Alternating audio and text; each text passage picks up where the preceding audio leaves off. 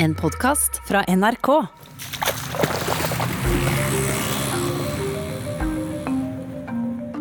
tre generasjoner i den familien. Eh, Alle var avhengig av opioider på sitt vis, enten det var eh, at det blei skrevet ut fra legen, eller at de kjøpte narkotika på svartebørsen. Så det var eh, veldig spesielt eh, å være der og se hvor hardt ramma det samfunnet i Martinsburg i West Virginia var av opioidepidemien.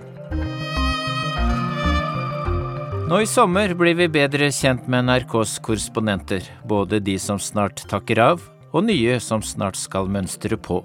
Serien har vi kalt Sommerspesial. I dag skal vi bli kjent med Veronica Westrin bor i Washington DC og er USA-korrespondent. Veronica Westrin, du og din familie setter snart kursen over Atlanterhavet. Din periode som korrespondent i USA er i ferd med å ebbe ut. Hvordan blir det å flytte hjem igjen? Det blir på mange måter fint. Gleder meg til å møte familie og venner hjemme. Samtidig så er det jo veldig trist å reise fra et sted hvor vi nå som familie har bodd i eh, tre år. Så det er jo menneskene her jeg kommer til å savne aller mest. Og selvfølgelig en utrolig spennende jobb. Du og familien holder til i Kragerø, og det er ikke akkurat så dumt sted å komme til nå på sommeren. Det er perfekt å komme hjem til Kragerø nå i juli. Eh, så det blir fint. Da blir det å eh, reise ut på vannet. Eneste problemet nå er at den eh, trekoggen som vi kjøpte i fjor, den har vi jo ikke rukket å pusse før sesongen. Så det er en sånn liten utfordring her akkurat nå. Så det blir båtpuss når du kommer hjem? Ja, vi får se om vi rekker å få den på vannet denne sesongen.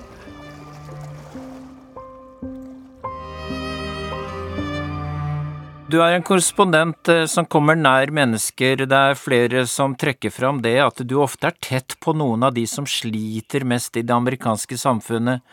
Og i dette eksempelet så skal vi høre at eh, du er i et kummerlig husvære der en mor og en datter bor. Begge er pillemisbrukere. This was the house we lived in growing up. Yeah, that's over a nice across house. the street. Yeah. Oh, well, they've done a little bit of work on it. And this is your house now. Yeah, and this is where we live. You This- live with your mom. Yes. Yeah. Yes. So There's a dog here.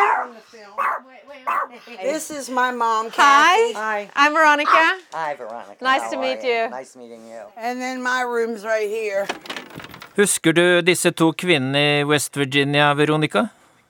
Ja, De husker jeg veldig godt. eh, Og det som var litt spesielt, det var at eh, vi skulle dra dit for å lage en reportasje om opioideepidemien, som jo har ført mange dødsfall her i USA.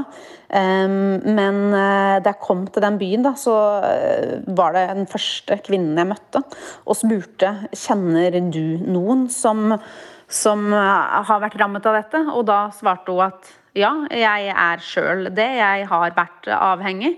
Og, og hun eh, inviterte oss da hjem, og så viste det seg da at eh, tre generasjoner i den familien, eh, alle var avhengig av opioider på sitt vis, enten det var at det blei skrevet ut fra legen, eller at de kjøpte narkotika på svartebørsen. Så det var eh, veldig spesielt eh, å, å være der og se hvor, hvor hardt ramma det samfunnet i Martinsburg i West Virginia var av opioidepidemien.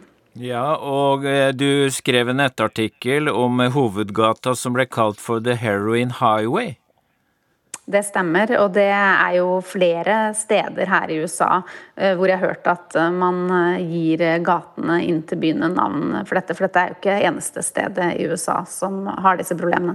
Veronica, du har også laget saker om svakhetene i det amerikanske helsevesenet, og mange tusen får ikke hjelp fordi de ikke har helseforsikring. Og jeg husker en sak du laget om dødsfall på grunn av høye medisinpriser, og at mange syke dro også over grensen til Canada for å få tak i billigere medisiner. Hi. Hi, Veronica. 213. Okay, and what does that mean? That means that I had too big a sandwich before you came in. Even the people that, that work with it every day, you call and, and I'll call my insurance company and talk with them and we'll get back to you. Hmm. We'll get back to you. Veronica, husker du Paul Thompson? Det er også eh, noen eh, Jeg husker jeg møtte både han og kona veldig godt, ja. Um, og det er jo litt av det som har vært mitt mål med å reise rundt og lage historier her fra USA. Det har vært å vise fram de historiene bak bak den politikken som føres. Da. Og det med medisinpriser. Eh, F.eks.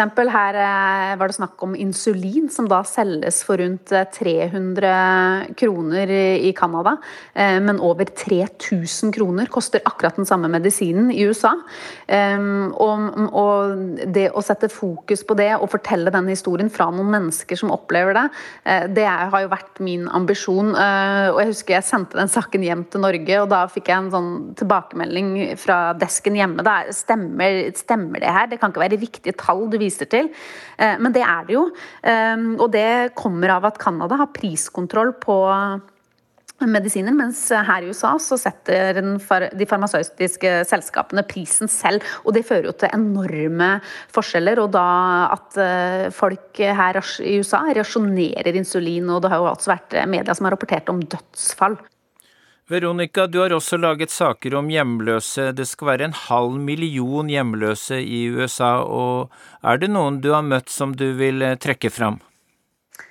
Ja, jeg laga en sak om en kvinne som bor rett utenfor Det hvite hus. Eller det gjør hun nok ikke lenger, dessverre. Men hun var veldig fornøyd med at hun hadde funnet en kirke der hvor hun sov hver natt. Det var en fantastisk kvinne som gikk og vaska det offentlige toalettet der hver eneste dag, flere ganger, fordi hun mente at det måtte være se bra ut når alle turistene kom til Washington. Men den kirken som hun sov under, det er da den samme kirken som Trump gikk opp til i fjor sommer under Black Lives Matter-protestene her i DC. Så gikk han jo opp og holdt en bibel fram, og det var altså akkurat på trappa der denne kvinnen sov og bodde hver eneste natt. Så hun pakka med seg tingene, gikk over gata, satt der hele dagen, og så sov hun der. Men det blei jo helt stengt ned etterpå, så jeg tenkte mye på hun i den perioden. Men jeg vet hun hadde pleid å flytte rundt, og hun fant seg nok et annet sted. Og forhåpentligvis så fikk hun kanskje ordentlig tak over hodet etter hvert også. Jeg har ikke møtt henne igjen.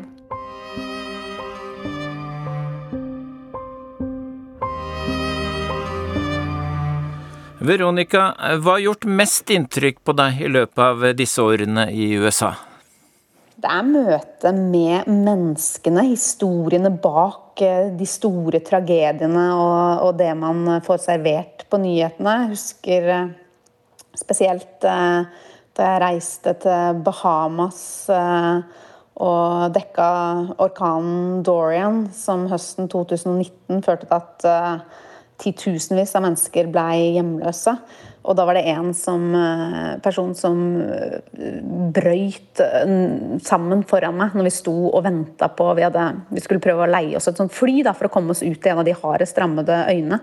Eh, og, og, hun da, var helt desperat for å komme seg ut til en av øyene sjøl. Det var jo bare noen journalister og hjelpemannskaper som, som var der og skulle, skulle fly ut. Og hun, hun ba og trygla om å få lov til å komme på et fly for å være med noen av oss da ut. Og det å se den smerten i, og redselen, og det var tydelig at hun leita etter hun hadde mista noen kjære som hun ikke fikk kontakt med, og, og, og, og ville jo da prøve å finne ut om de levde. Og det å, å, se den smerten og lidelsen på nært hold, det har gjort veldig inntrykk. Og det er jo en av flere ganger hvor jeg også sjøl blei veldig berørt og gråt da jeg skulle gjøre opptak. For eksempel, husker jeg Dagsnytt ringte rett etterpå. Skulle, da skulle jeg samle meg og fortelle litt om hvor mange som var savna og hvordan situasjonen var på øyene. Men rett etter å ha sett noe sånt, så, så blir det jo veldig satt ut uh, psykisk. Da. Så det har vært flere ganger hvor jeg har grått på jobb uh,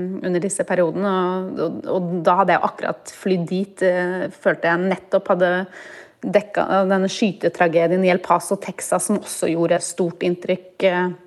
Hvor 22 mennesker blei drept. Men det er nok de der store, aller største katastrofene når du ser smerten og redselen i menneskene som, som har påvirka mest. Eh, og så var det jo selvfølgelig storming av Kongressen eh, som på en måte egentlig jeg følte oppsummerte da, de åra jeg har vært her, og toppa seg nå i vinter da, med, med, det og det å stå ute i gatene da, og sjøl eh, frykte for egen sikkerhet. For det har jo vært også noe som har bygd seg opp over de åra her.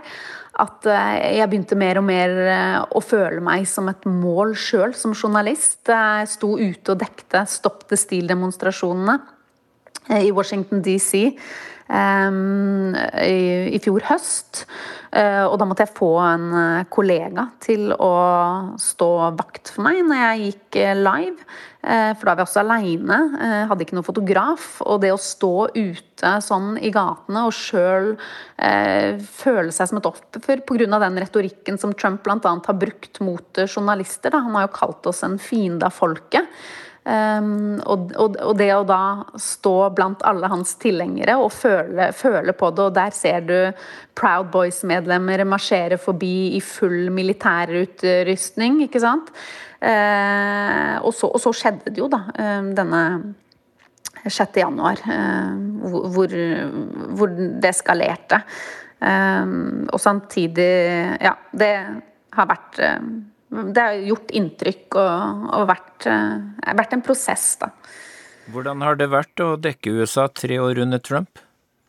Det er klart at Eh, det har vært spesielt å være her som journalist under Trump, og jeg føler meg utrolig privilegert som har fått lov til å dekke USA i denne perioden, som jeg tror for all framtid kommer til å være en veldig spesiell tid eh, i amerikansk eh, historie. Og det toppa seg jo da med storminga av Kongressen.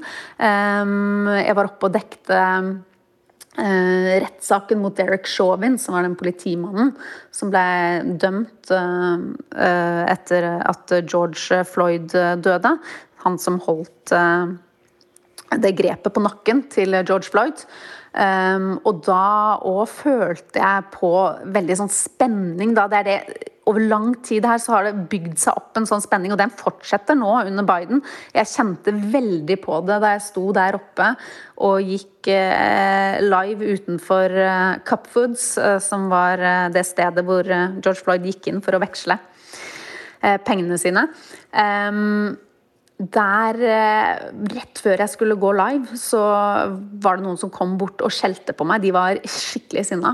Og, og, jeg husker jeg hadde blitt anbefalt før vi dro dit at der kunne det være farlig, men man tar jo litt sånn kalkulerte risikoer i yrket, og vi følte oss trygge. Jeg hadde med meg fotograf, men akkurat sånn rett før du skal gå live, når sånne ting skjer, så blir du litt usikker. Og det er sånn man ikke ser hjemme, men det er ganske mye som skjer rett før en sånn live-rapport. Eh, men jeg satte meg ned og snakka med de og forklarte hva jeg sa. og og, og, og, fikk snakka med dem. Men det er en sånn borgervernsgruppe nærmest som har danna seg da, rundt det stedet. Eh, og jeg så nå for en stund siden så var det en annen journalist som gikk live på akkurat samme sted. Og da var det plutselig skudd som ble avfyrt der. Jeg så folk som la seg ned eh, på bakken, da. Eh, fordi det var så nærme at det var skyting. Så det er klart at man har følt også litt på en sånn utrygghet sjøl som journalist. Eh, og det har vel Det viser jo den episoden, i hvert fall. Da, at det har jo ikke vært helt eh, feil at, at man har tenkt det. Men jeg har prøvd å tenke sikkerhet og, og ja, oppholde meg på steder hvor jeg føler meg trygg, da.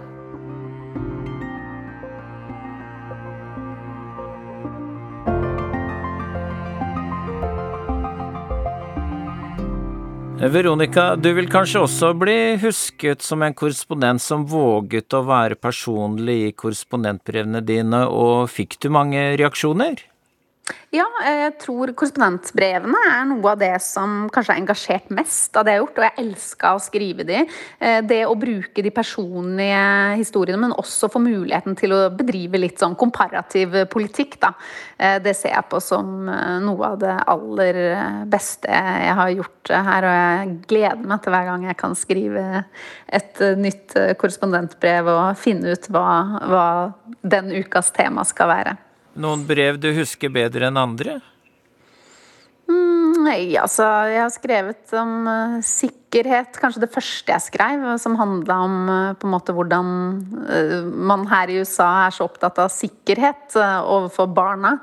Det, det blei liksom veldig godt lest, og, og, jeg fikk veldig, veldig mange reaksjoner på det. Så ja. Men nei, men jeg, altså, jeg husker alle jeg har skrevet, jeg. Akkurat som jeg gjør med sakene og menneskene jeg har møtt. Ja, det er bra. Gleder du deg nå til å pakke kofferten og vende snuten hjemover? Jeg både gleder meg, gleder meg til å komme hjem og treffe de som betyr noe for meg, og gruer meg fordi jeg gruer meg til å slutte i den jobben her. Det, det, det er veldig trist å skulle la den gå. Hva skal du gjøre etter sommerferien? Det aner jeg ikke. Eh, akkurat nå så leker jeg med tanken på å ta meg litt fri. Og så må jeg prøve å finne ut, på, finne ut hva jeg skal gjøre videre i livet.